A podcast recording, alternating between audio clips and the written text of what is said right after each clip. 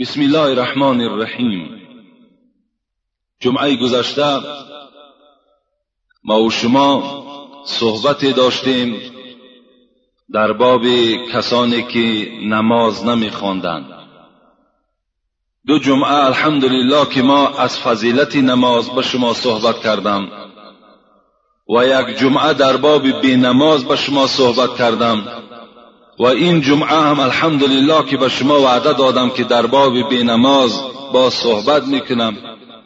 اگر صحبت من این جمعه هم که انجام نیابد جمعه آینده هم باز در باب نماز و شما صحبت می‌کنم. پیش از آغاز صحبت و تعبیر شاعرانه حضرت مولوی جنونی که دعای کردند الهی بنده گم کرده راهیم الهی بنده گم کرده راهیم ترحم کن به این حال که داریم. گرفتاریم به نفس غدار. سراسر غرق این دنیای مردار. ای پروردگارا ما هم به دعای حضرت مولوی پیوست می شویم و به سوی آن ذات یگانه دست می برداریم و می گوییم که خدای مهربان.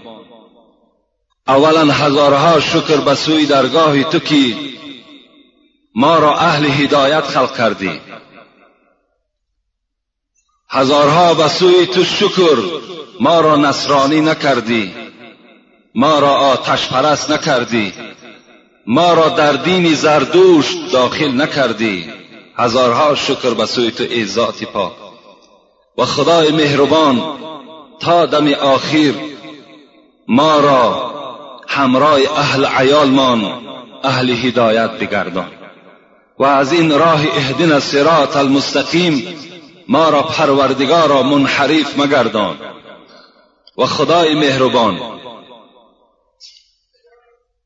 محبت دنیا را از دل ما کنده بگردان و در عوض این محبت دنیا محبت اسلام را محبت این ذات یگانه را محبت قرآن معجزه الهی را محبت این مسجد را محبت تمام مسلمین روی عالم را محبت علم را محبت علما را خدای جایگیر بگردان. و خدای مهربان اسلام عزیز را در روی دنیا حکمران بگردان. و خدایا آن شخصانی که نقشه های ضد اسلامی می‌کشند. در نقشه های خودشان خودشان را پروردگار را سرگردان بگردان. و خدای مهربان گذشتگان این قوم جمع ما امروز رحمت تو را منتظر هستند. مغفرت تو را منتظر هستند. خدای مهربان گذشتگان ما را رحمت و مغفرت بگردان. ارواحهای ما را خدای مهربان از این قوم جمع ما راضی بگردان. و خدایا مسافرها داریم. امروز سرگردان هستند. امروز برای تأمینات خانه در بدر هستند. خار و زلیل هستند. یا چی مسافرهایی داریم در طلب علم هستند. خدایا صحت و سلامت به خاندان بر بگردان بیماری ها مانده. شفای کامل و شفای عاجل نصیب بگردان. یک برادر دارم به نام حاج عارف که از دعای ما و شما کمی بهبودی در سلامتیش پیدا شد. باز دعا طلب کردند بار رسول اکرم حضرت سعد ابن ابی وقاص خبرگیری رفتند و گفتند که اللهم اشفی سعدا اللهم اشفی سعدا اللهم اشفی سعدا.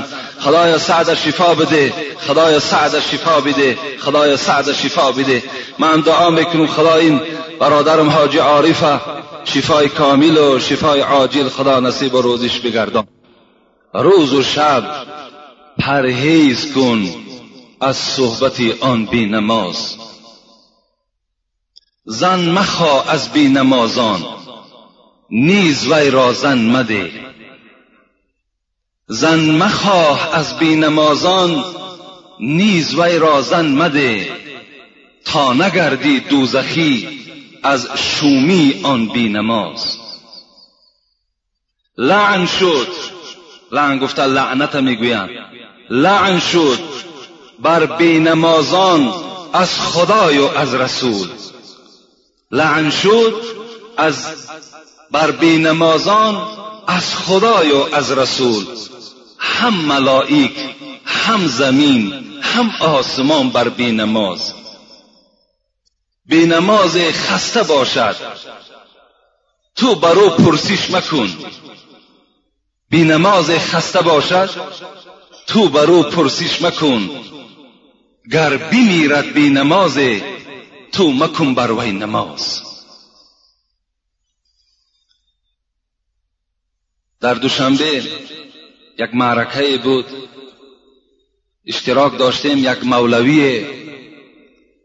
این مصرهای شعری را حضرت خواندند. و گفتند که این ایجادیات مصلح الدین شیخ سعدی شیرازدین است. سعدی شیراز است. لیکن من در کتابی که این مصره های شعری را یافتم و از یاد نمودم در اون کتاب شاعرش می‌گوید معلوم نیست. لیکن برای ما کی این شعر را تصنیف کرده است کی ایجاد کرده است برای ما حاجتم نیست ضرورتم ندارد. مگر که شاعر حقیقت را بیان کردند. مگر شاعر معنای آیت و معنای احادیث های پیغمبر را برای ما و شما در نظم درآوردند. می‌خواهم کمی در اطراف این مصره های شعری با شما صحبت کنم. زیرا که تحلیل این مصره های شعری هم از همین موضوع ما و شما عبارت است. ای برادر جهد کن تا تو نباشی بی نماز. ای برادر ای شخصی که دعوا می‌کنی من الحمدلله مسلمان هستم. ای شخصی که می‌گویی اولاد اجداد من مسلمان است. پس نماز بخوان می‌گوید. آیا این امر شاعر است؟ نه بلکه امر شاعر نیست. بلکه ما به تاریخ ورق می‌زنیم به صحیفه می آییم که رسول اکرم در حجت الوداع بودن. حج آخران رسول اکرم. حجی که رسول اکرم بالای منبر برآمدند و به مردم چنان خطبه خواندند که می‌گوید چشمها پر از آب شد. در همان خطبه این گونه بلیغ رسول اکرم چی گفتند؟ اتقوا الله و سلوا خمسکم. ای مردم ای امت اسلام از خدا بترسید. این حج من آخران حج است. بعد این حج من از این عالم فانی سفر می‌کنم به عالم باقی می‌روم لیکن به شما یک نصیحت پیغمبرانه می‌کنم. از خدا بترسید و صلو خمسکم پنج وقت نماز ادا کنید. این امر شاعر نبوده است بلکه امر پیغمبری خدا بوده است بلکه امر خدای بوده است که باز محمد آفرید. اقیم الصلات اقیم الصلات اقیم الصلات. هر کسی قرآن خان باشد ورق می‌زنی قرآن در هر صحیفه اقیم الصلات میاد. نماز بخوان نماز بخوان نماز بخوان. اگر من یک نفری را از این قوم پیش شما راز کنم و پرسم شما کجا ختم کردید؟ اگر گوید که من دانشکده عالی ختم کردم من می‌گویم حجت داری میبرارد دیپلم نشان می‌دهد. بله انا این حجت این دیپلم دانشکده عالی است. من باور می‌کنم می‌گویم تحسین به شما آفرین به شما نشین جا. لیکن آدم مسلمان باید حجت داشته باشد. کسی دعوا کند که من مسلمان هستم که باید حجتی نماز خواندن داشته باشد. دعوای او چی هست؟ دعوای کذب نیست بلکه دعوای حق است. زیرا وی من حافظ علیها کاند له نورا و برهانا و نجاتا یوم القیامه کسی پنج وقت نماز خان پیغمبر گفتند که خوش به حالش که نجات یافت دلیل دارد دیپلم دارد از برای مسلمانیش. جهد کن ای برادر تا نباشی بی نماز در دوام گفتن روز و شب پرهیز کن از صحبت آن بی نماز روز و شب برادر عزیز می‌گوید از بی نماز از صحبت او از پهلوی او نشستن پرهیز کن. ننیشید برای چی؟ برای چی شاعر من کردن؟ برای که پیروی رسول اکرم هستند پیغمبر میگوید قال رسول الله صلی الله علیه وسلم الرجل على دین خلیله فلینظر احدكم من یخالل. این حدیث صحیح است حدیث ترمیزی روایت کرده است. رسول اکرم گفتند مرد در دین رفیقش است. مرد در دین رفیقش است. با ایستان نظر کند که با کی رفیقی دارد. با کی رفیقی دارد؟ با آدم نماز یا با آدم با نماز با کی رفیقی دارد؟ همنشین تأثیر دارد. المرء مع من احبه حدیث دیگری پیغمبری خداست. انسان روز قیامت همراه شخصی است که در دنیا با او رفیق بود.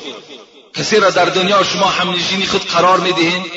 کسی که همراه شما می نشیند روز قیامت و همراه شما سر می بردارد آیا شما دوست می دارین که همراه بینماز روز قیامت سر بردارین؟ دوست نمی دارین زیرا که برای بینمازان روز قیامت وعید است عذاب است.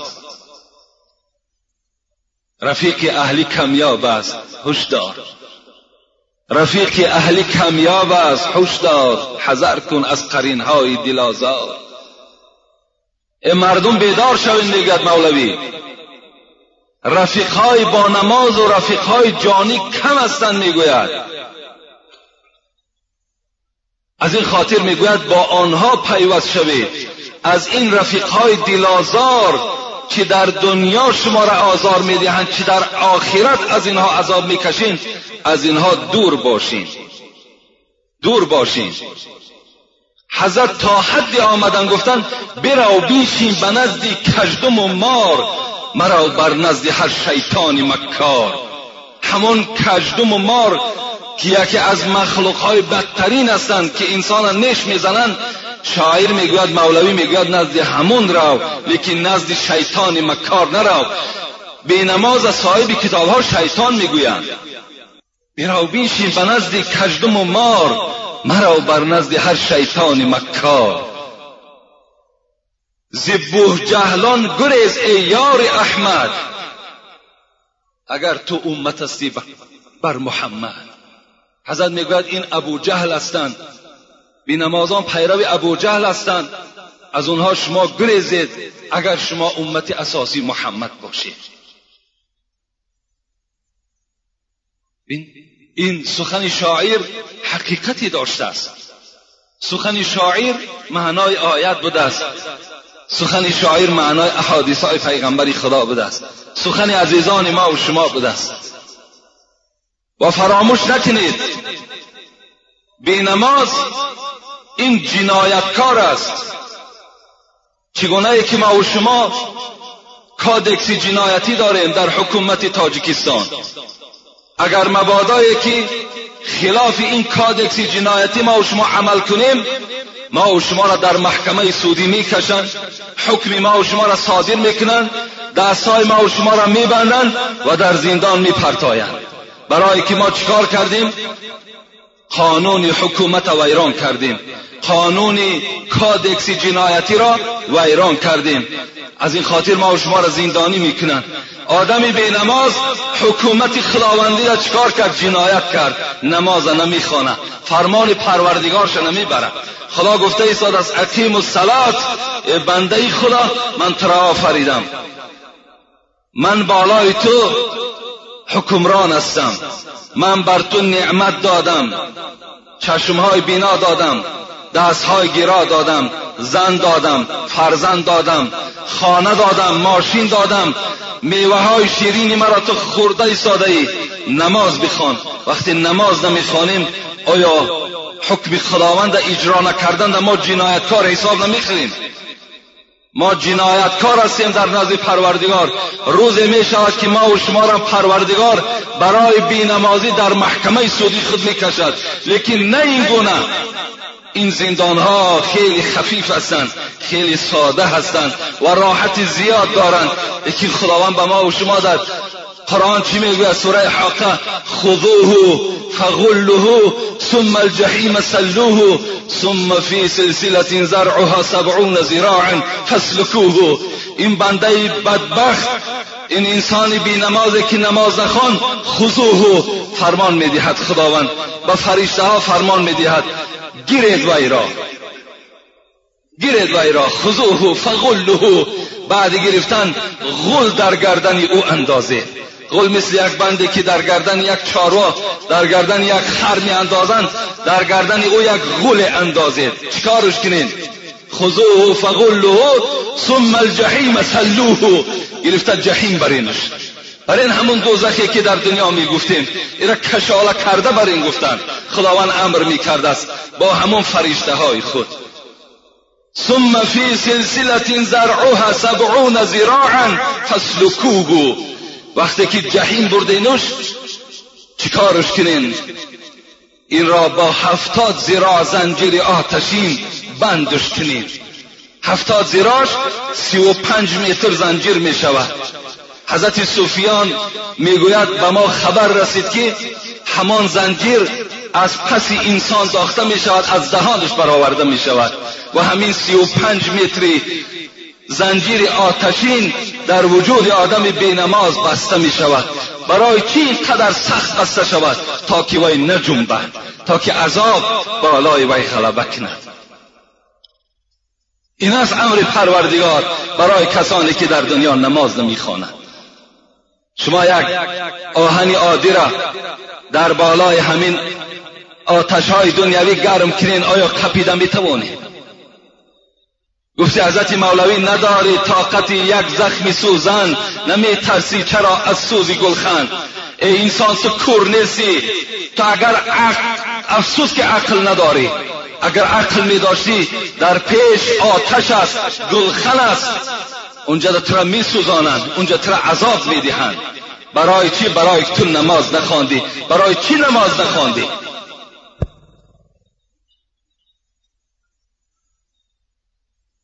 خضوه خدا گفت امر کرد به فرشته ها چگونه فرشته ها می‌گذاریم باز در دیگر آیت قرآن.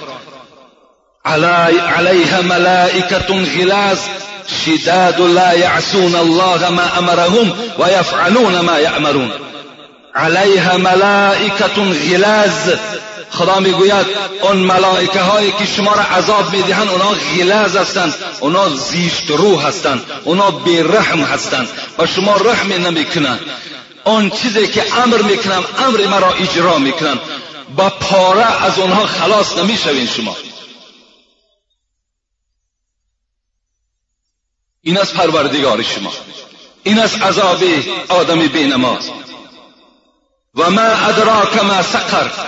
لا تبقي ولا تذر. لواحت للبشر علیها تسعت عشر. خدا در قرآن پاره 29 باز خبر می‌دهد. ای مردم بیدار شو من سقر می‌گویم. سقر چیست؟ دوزخ است. دوزخ سقر چی که دوزخ است؟ لا تبقی ولا تذر. از او کسی نجات نمییابد. وی گوشت و پوست شما را می‌خورد خدا می‌گوید. لا تبقی ولا تذر. عصبه های شما را می‌خورد رگ و پیوند های شما را می‌خورد باز خداوند جانی دوباره به شما می‌دهد. باز در همین آتش شما را میپرتاید علیها تسعت عشر. خدا می‌گوید در دوزخ نزده تا ملائکه دارم که فقط عذاب می‌کنند. حضرت ثعلبی می‌گوید وقتی که یک ملائکه حضرت عزرائیل که جان تمام دنیا را گرفته تاند پس نوزده ملائک این عددش خیلی زیاده هست که مردم را عذاب می‌دهند. اونها هم قدر قوت دارند که به تمام مردم زورشان برسد. همه مردم را عذاب داده تانند. همان مردمی که در دنیا نماز نخواندند. ای برادر جهد کن تا تو نباشی بی نماز. روز و شب پرهیز کن از صحبتی آن بی نماز. صحبتی بی نماز را کجا می‌برد؟ ترا دوزخ می‌برد. آدم بی نماز گفته حضرت حافظ هر آن کسی که نیست در این حلقه زنده بعیش بر او نمرده به فتوای من نماز کنید.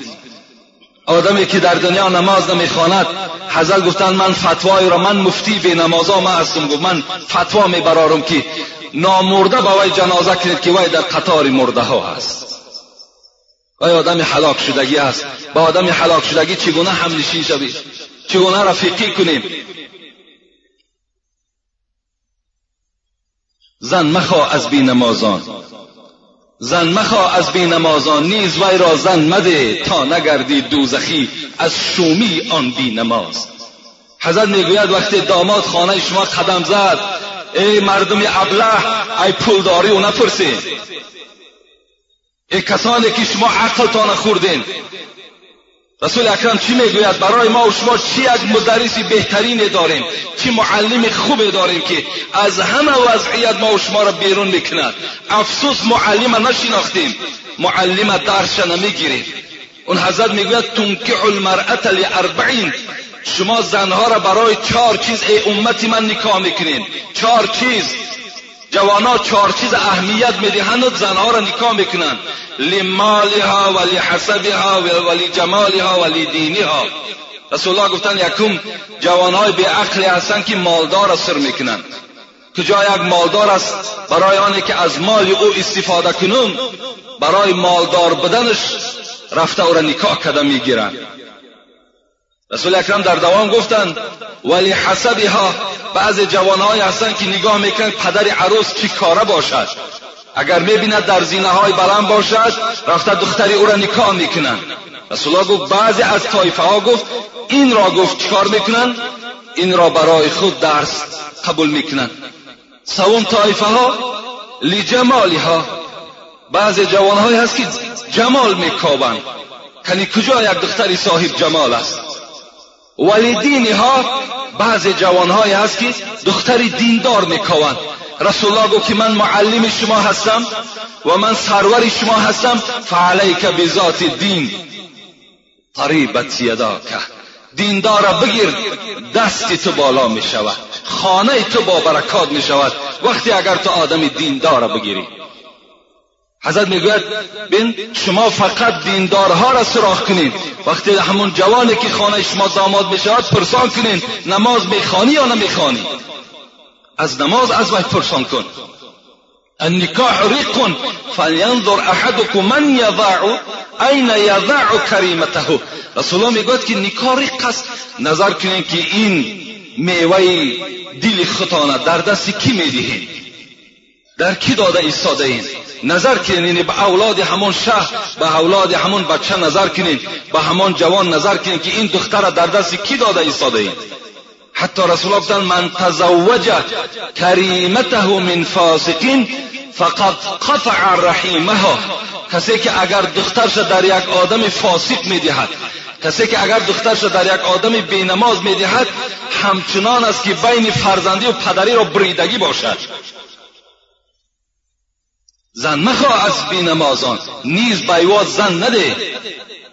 تا نگردی دوزخی از شومی آن بینماز این است توصیه معلم ما و شما.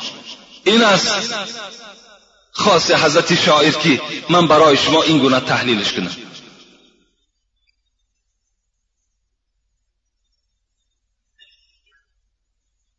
این الله تعالی یحتج بأربعة انفوس على اربعة اجناس من الناس. پیغمبری خدا گفتن روز قیامت خداوند با چهار نفر چهار گروه را متهم می سازد چهار نفر چهار شخصیت قطی و چهار پیغمبر چهار گروه را خداوند متهم می سازد زبان کوتاه می گرداند علی الاغنیا به سلیمان علیه السلام. بایه ها را راست می‌کند. بایه هایی که در دنیا نماز نخواندند و دولت و سولتشان سبب شد و اونها را نگذاشت که اونها نماز خدا را بخوانند. اینها را راست می‌کرد از خداوند می‌پرسید است چرا نماز نخواندی؟ این شخصی با دولتی که بی نماز از دنیا گذشته است می‌گفته است چی می‌گفته است می‌گفته است پروردگارا ملکی زیاد داشتم دولتی زیاد داشتم بی نهایت دولتم هیچ حد کنار نداشت. از این خاطر به حساب امونها وابسته بودم با دوادب امونها وابسته بودم نماز نخواندم. پروردگار حضرت سلیمان میخیزاند. می‌گوید ای شخصیت ای کور ای ابله تو مثل حضرت سلیمان مال داشتی؟ حضرت سلیمان چنان مال داشت که اگر تمام طبقه های همین زمین اگر می‌خرید تا حال پول او رسنده بود لیکن بازم این در ذکر خدا بود در یاد خدا بود کو این آدم با دولت چی است متهم می‌شد است زبان کوتاه می‌شد است. و علی العبید به یوسف علیه السلام. بنده ها کسانی که خدمتگار آدمهایی با دولت هستند. غلام ها خیزانده می شوند چرا نماز نخواندی؟ می‌گفت از پروردگار من غلام بودم. من به خودم سرور و مولا داشتم. من وقت نیافتم که عبادت کنم. حضرت یوسف پروردگار نزد این غلام حاضر می‌کند می‌گوید یوسف هم غلام بود.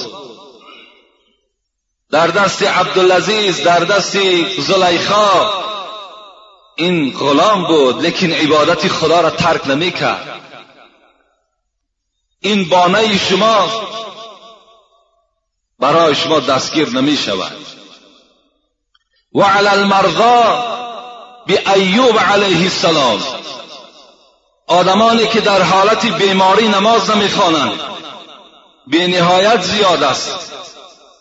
اینها را وقتی خداوند زنده میگرداند و می‌پرسد چرا نماز نخواندی؟ می‌گوید پروردگار من بیمار بودم. من بیمار بودم. من نتوانستم از جای خود خیسته نمی‌توانستم. پام کار نمی‌کرد دستم کار نمی‌کرد. بدنم شق شده بود. فلج بودم. از این خاطر من نماز خوانده نتوانستم پروردگار حضرت ایوب میارد می‌گوید ایوب بیمار بود. راویای کتاب می‌گویند حضرت ایوب هجده سال بالای ریک خواب بود. هجده سال. بیمار بودن از جای خود خیسته نمی‌تونستند لیکن بازم این دعا می‌کردم پروردگارا تمام بدن من اگر درمند باشد من راضی هستم بجز زبان من. خدایا زبان مرا بسته نگردان تا که در یاد تو باشم. هجده سال. بار آیلش گفته ایوب گفت تو پیغمبر خدا هستی دعای تر خدا میشنود. دعا نمی‌کنی که خدا به تو شفا دهد. حضرت ایوب گفتند ای زنک گفتند چند سال راحت دیدم.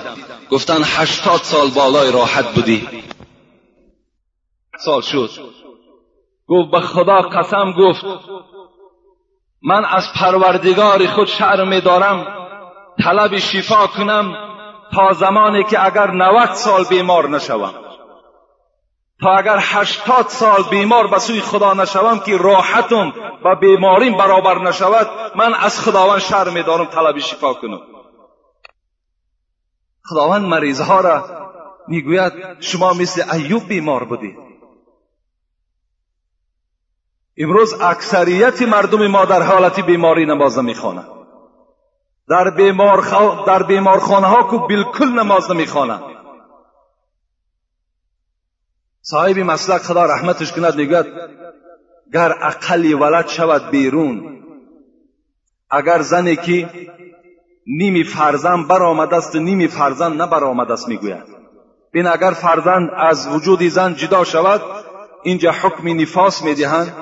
یعنی تا چیل روز اگر این زن خون میدیدگی باشد تا چیل روز نماز از گردن این زن ساکت می شود لیکن حضرت مولوی صوفی اللیار می‌گوید که اگر نیمی فرزند برآمده است و نیمش نبرآمده است اینجا چی صورت است نماز ببینیم مهم بودن نماز ببینیم گر عقلی ولد شود بیرون نکنه ترکی نمازش چون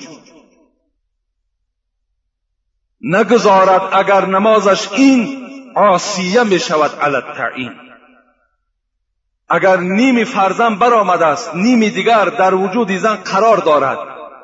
اگر وقتی نماز شد می‌گوید باید که نماز شخواند اگر این زن در همین حالت نماز نخواند عاصیه می شود علت تعین با تعین روایت همین است که وی در نزد خدا عاصی و روسیا است. ورته خود حفیره سازد. آن یک حفیره خود اندازد.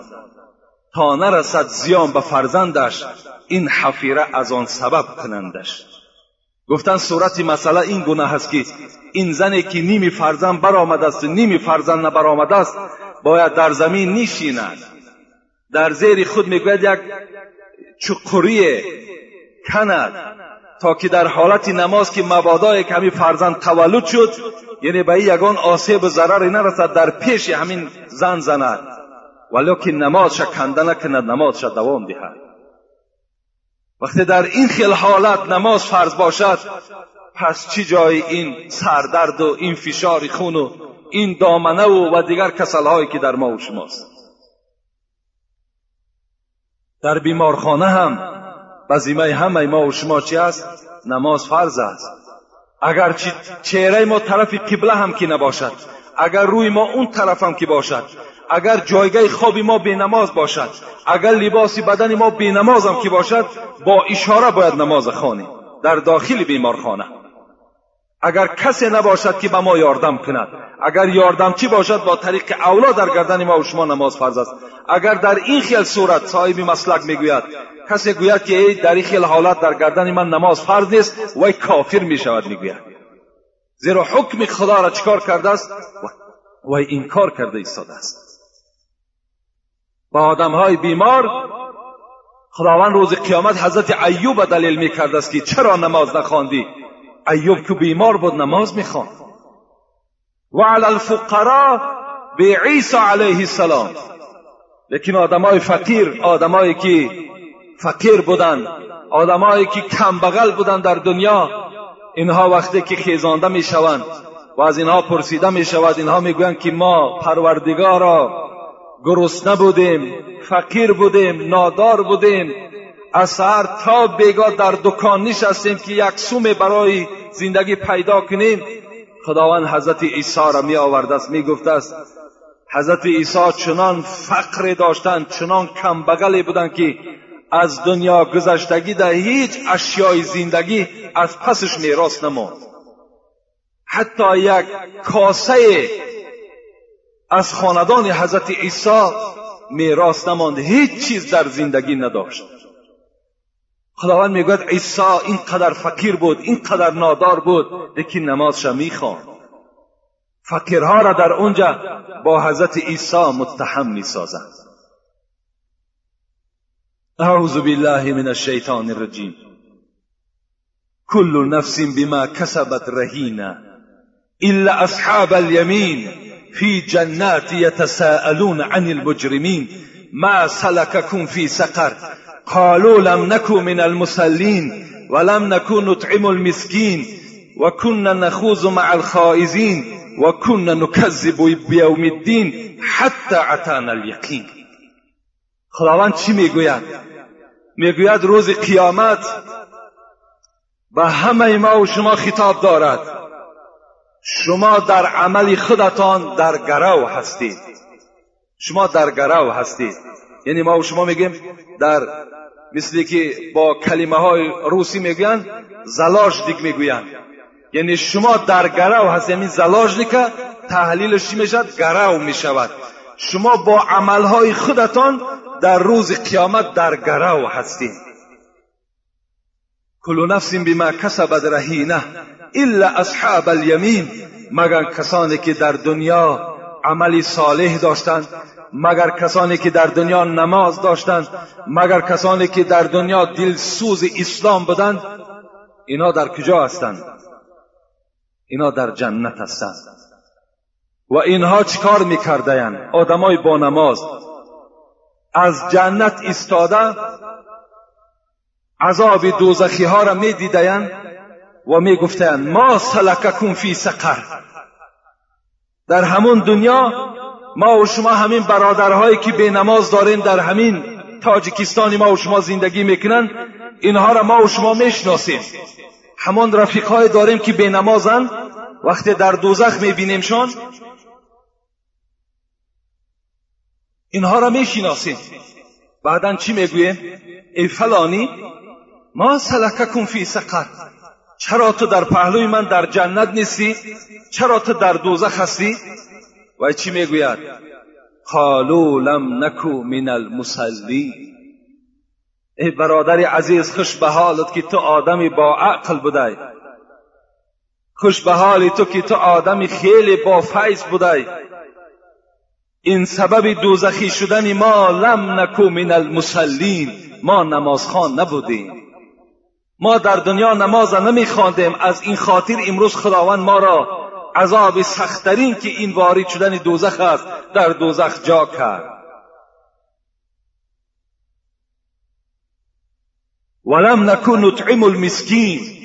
یکم جنایتی که داشتیم در دنیا به نماز بودیم. دوم جنایتی که ما را خداوند با سبب او وارد دوزخ کرد. ولم نکن نطعم المسکین. ما مسکین ها را تعام نمی دادیم پول داشتیم مال داشتیم. ماشین های زیبا داشتیم. خودمان راحت می‌کردیم. خودمان کازینو ساز می‌کردیم.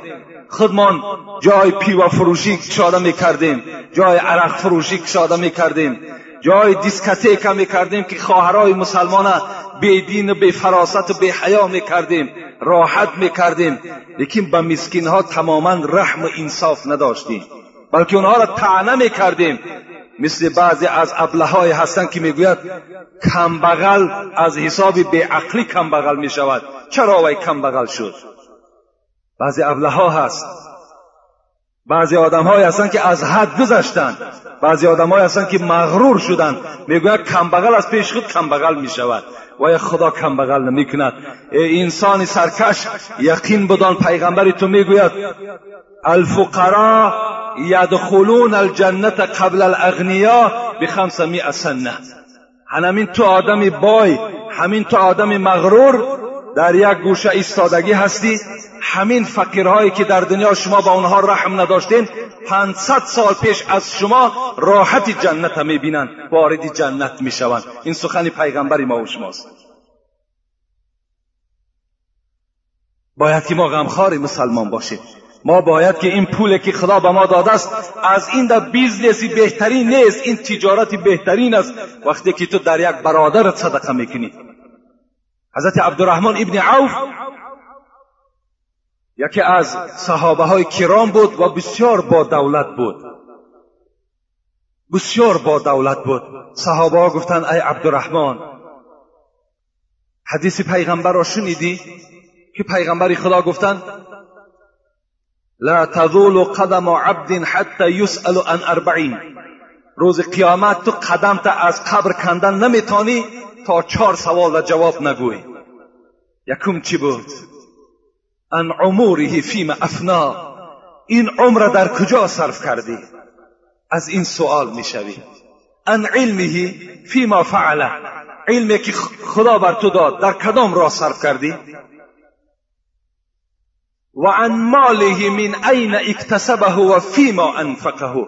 از مالت پرسیده میشه از کجا آوردی مال و در کجا صرف کردی مال و عن جسمه فیما ابلاه. از این دست و پا پرسیده میشه اینها را در کدام راه کونه کردی در کدام راه این دست و پا را مانده کردی؟ عبدالرحمن گفت با حدیث بسیار توجه کن که از عمر یک بار پرسیده می‌شده از علم یک بار پرسیده میشه از جسم یک بار پرسیده میشه لیکن از مال دو سوال است. از کجا پیدا کردی؟ در کجا صرف کردی؟ دو سوال می‌شده است. عبدالرحمن تو مالی زیاد داری. نزد خدا چی جواب می‌گویی؟ عبدالرحمن گریان شدن. عبدالرحمن که نشستن و از جا خیستنش عبادت بود. گریان شدن گفتن نسبت من یگان خوفی نکنین. و دلسوزی هم نکنین. عبدالرحمن وقتی که سهر روز می شود صد تنگه در راه خدا خیر می‌کنن باز بیگاه که می شود خدای عبدالرحمن به عبدالرحمن هزار تنگه می دهد چی جای گناهش است؟ من چنان تجارت با خدا دارم. صد در راه خدا میتم بیگه هزار از جانب خدا می‌گیرم. چی جای عیب و چی جای گناهش است؟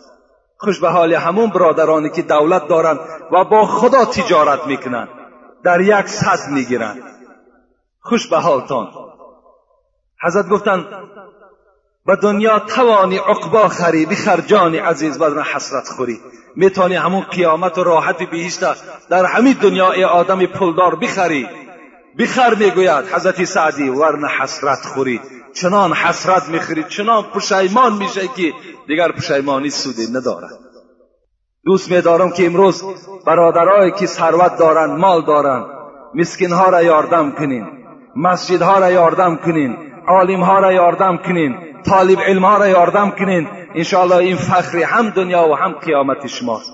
با پول داشتن و با مال داشتن ننازین که خداوند با مال و پول شما را نظر نمی کند مگر عمل و دل شما را نظر می کند مثل الذين ينفقون اموالهم في سبيل الله كمثل حبه انبتت سبع سنابل في كل سنبلة مئة حبه والله يضاعف لمن يشاء والله واسع علیم این صدای پروردگار ماست.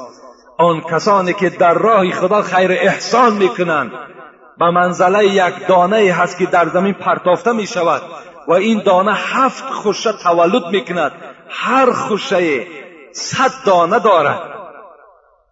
پروردگار شما با از این دم شما را میگه زیادتر می‌دهد. یعنی در یک دانه شما خداوند هفتصد به شما عوض می‌دهد. بگذار با خدا شما تجارت کنید انشاءالله مالی شما شکسته نمی شود آب روی شما در نزد خداوند بلند می دوم صورتی که ما را دوزخی گردانید. ولم نکن نطعم المسکین. ما کسانی بودیم که در دنیا به مسکین ها غمخوار نبودیم. سوم چی؟ سوم ما پیغمبری خدا را مذاق می کردیم پیغمبری خدا را مسخره می کردیم می گفتیم این ساهر است این جادوگر است این دیوانه است. این سوم حالت که ما را وارد دوزخ کرد. و چهارم چی بود؟ چهارم. ما روز قیامت این کار می‌کردیم که قیامت هم آمدنی نیست. حتی اتان الیقین. تا زمانی که این مرگ بالای ما هجوم کرد الحال فهمیدیم که دیگر ما از این دوزخ نجات نداریم. بین یک حالتی که انسان دوزخی می شده است این سببش چی بوده است؟ سببش بینمازی بوده است. کسی اگر در دنیا بینماز است البته به البت مکافاتی و دوزخ است. دوره های موسا را برای شما یادآوری می‌کنم. شاید این قصه باشد که آخران از این جمعه ما و شما می شود روی ان امرأة جاءت الى موسى عليه السلام وقالت يا موسى إني أذنبت ذنبا عظيما وقد تبت إلى الله تعالى. فادع الله أن يغفر لي ذنبي. شمس الدین زهبی در کتاب کبایرش میآرد. می‌گوید زمانهای حضرت موسی بود. یک زن نزد حضرت موسی آمد. موسی بسیار با حیبت پیغمبر بود. آمد گفت ای موسی گفت من گفت یک گناهی بسیار بزرگی را انجام دادم. لیکن وقد تبت الى الله تعالی بعد گناه را صادر کردن باز به خود آمدم به سوی همان پروردگار خود توبه کردم. فدع الله ان یغفر لذنبی. با صدای تو را پروردگار میشنود. ای موسی دعا کن که خداوند گناهی مرا بخشیده بگرداند. چه زنهای مسلمانی بود. امروز زنهای مسلمانی ما و شما گناه می‌کنن میخندند گناه می‌کنن پروا ندارن. لیکن اون زنها خوشبخت زن بودن که گناه کردن باز پشیمان شدن. امروز خواهرای ما و شما خود برای گناه کردن دلیر هستند ما آنها را از گناه باز میداریم. آنها خود می‌گویند که نه ما گناه می‌کنیم. حالا که وجود نازک اونها طاقت عذاب خدا را ندارد حضرت موسی حیرت دماندن گفتن من زنبکه چی گناه کردی؟ قالت اینی زنیتو و ولدت من الزنا ثم فقتلته ثم قتلته. گفتن موسی گفتن اولا شرم میدارم لیکن چیکار کنم؟ زنا کردم. بعد زنا حامله دار شدم. وقتی که حامله من تا چنده که نمایان شدن گرفت من از همسایهداری و از دگانه های خود شرم کردم. و در یک گوشه پنهانی رفته این تولد کردم و با دست خود قتل کردم و نابودش کردم. حضرت موسی چه گناه عظیمی کردم. از پروردگار دعا کن که خداوند مرا ببخشد. حضرت موسی غضبناک شدن گفتن یا فاجره اخرجوی لا تنزل من السماء نارا فتحرقنا بشومکی گفتن ای فاجره ای بدبخت ای ناسپاس ای زنی که از عذاب خدا نمی ترسیدگی از نزد من گفت درو بیرون شو تا که از شومی تو از این کسافتی تو باز آتش از آسمان نریزد و من که پیغمبری او هستم در عذاب گرفتار شوم. این زن وقتی که سیاست حضرت موسی را دید در حال نزد موسی را ترک کرد و بیرون شد. حالا که وی با یک دلی شکسته آمده بود وی در اصل توبه نسخ کرده بود توبه فریب نداشت. در حال خدای مهربان خدایی که صد سال گناه می‌کنی با بدرگاهش زاره می‌کنی میبخشد در حال جبرائیل روان کرد گفت رو به موسی خطاب کن لما ردت تائبه رو به حضرت موسی بگو این زنی که از صدق توبه کرده بود چرا از نزد خودش راند باید؟ چرا باید بخشش او را طلب نکرد؟ چرا نزد خداوند دعا نکرد؟ اما وجدت شرا منها. بعد این با حضرت موسی بگو که آیا می‌داند که باز از این زنی که زنا کرد این زنی که حاملدار شد با دست خود این طفلی بیگناه را قتل کرد از این دم باز پسترین شخصیت وجود دارد. می‌داند؟ وقتی حضرت موسی این شنید از جبرائیل حیرت دمان گفت من هو شر منها. جبرائیل گفت این قدر گناه عظیمه که این زن کرده است از این دم دیده باز پسترین شخصیت وجود دارد. گفتم بله پروردگار تا تو می‌گوید که هو تارک الصلات وی بی نماز است. از این زنی زیناکار از این زنی بی حیا از این زنی که با دستی خودش فرزندی خودش قتل کرد از این دیده با آدم بی نماز قدرش پست است. این از حکم آدم بی نماز در اسلام. کار کنیم که فخر قیامت باشید کار کنیم که رسول اکرم در خجالت نمانیم یک صحابه پیغمبر ربیعه بود ابن کعب الاسلمی بود. باز چی می‌خوای؟ باز در حق دعا کنم. فقال هو که پیغمبر هیچ چیز نمی‌خواهم بجز هم نشینی تو در قیامت. فقط می‌خواهم رفیقی تو در جنت باشم. رسول الله چی گفتن؟ فعینی علی نفسک بکسرت سجود. ربیعه گفتن اگر خواهی که در جنت همراه من باشی در دنیا مرا یاردم کن. گفت چی یاردم کنم؟ گفت نمازی زیاد بخوان نمازی زیاد بخوان تو روز قیامت همراه من هستی. من سجد لله سجدتا رفعه الله بها. کسی که در دنیا کسی که در دنیا سجده می‌کند پیغمبر خدا می‌گوید خداوند درجات او را در جنت با سبب این سجده بلند میبردارد. و حتی عنها بها خطیئتا. باز با سبب این سجده ها خداوند کلی خطاهای او را میبخشد. با سبب نماز با سبب خم کردن. این بینهایت بینهایت. نیک است نزد پروردگار. وقتی شما تعظیم می‌کنین سر در همون بالای خاک بگذارین و میگیم پرورد سبحان ربی الاعلا سبحان ربی الاعظیم خدا درجات تو را در قیامت بلند می‌کند. برای من فکر می‌کنم که فخر دنیا نه بلکه برای ما فخر اقبال لازم است. عز دنیا بیمال و عز الاخره بصالح الاعمال. حضرت عمر گفتن اگر کسی می‌خواهد در دنیا عزت بیابد پولدار باشد. لیکن کسی خواهد که در آخرت سربلند باشد عملی صالح داشته باشد نماز داشته باشد این الله عزتش در دنیا بلند می شود خدای مهربان. این صراط المستقیم هدایت کنه. و خدای محبت نماز را در دل ما باز هم زیادتر جایگیر بگرداند. و خدای مهربان در دل آن برادرهایی که نماز نمی‌خوانند محبت نماز جایگیر بگردان. و خدای مهربان این جمعیت ما را کسانی که از راه های دور آمدند در هر قدمشان حسنات پروردگار را کتابت بفرما. و کسانی که از راه های نزدیک آمدند مراد و مطلوب هاشون پروردگار را حاصل بگردان. و تا جمعه دیگر این جمعیت ما را در حفظ أمان خود نگه بدار. آمین یا رب العالمین.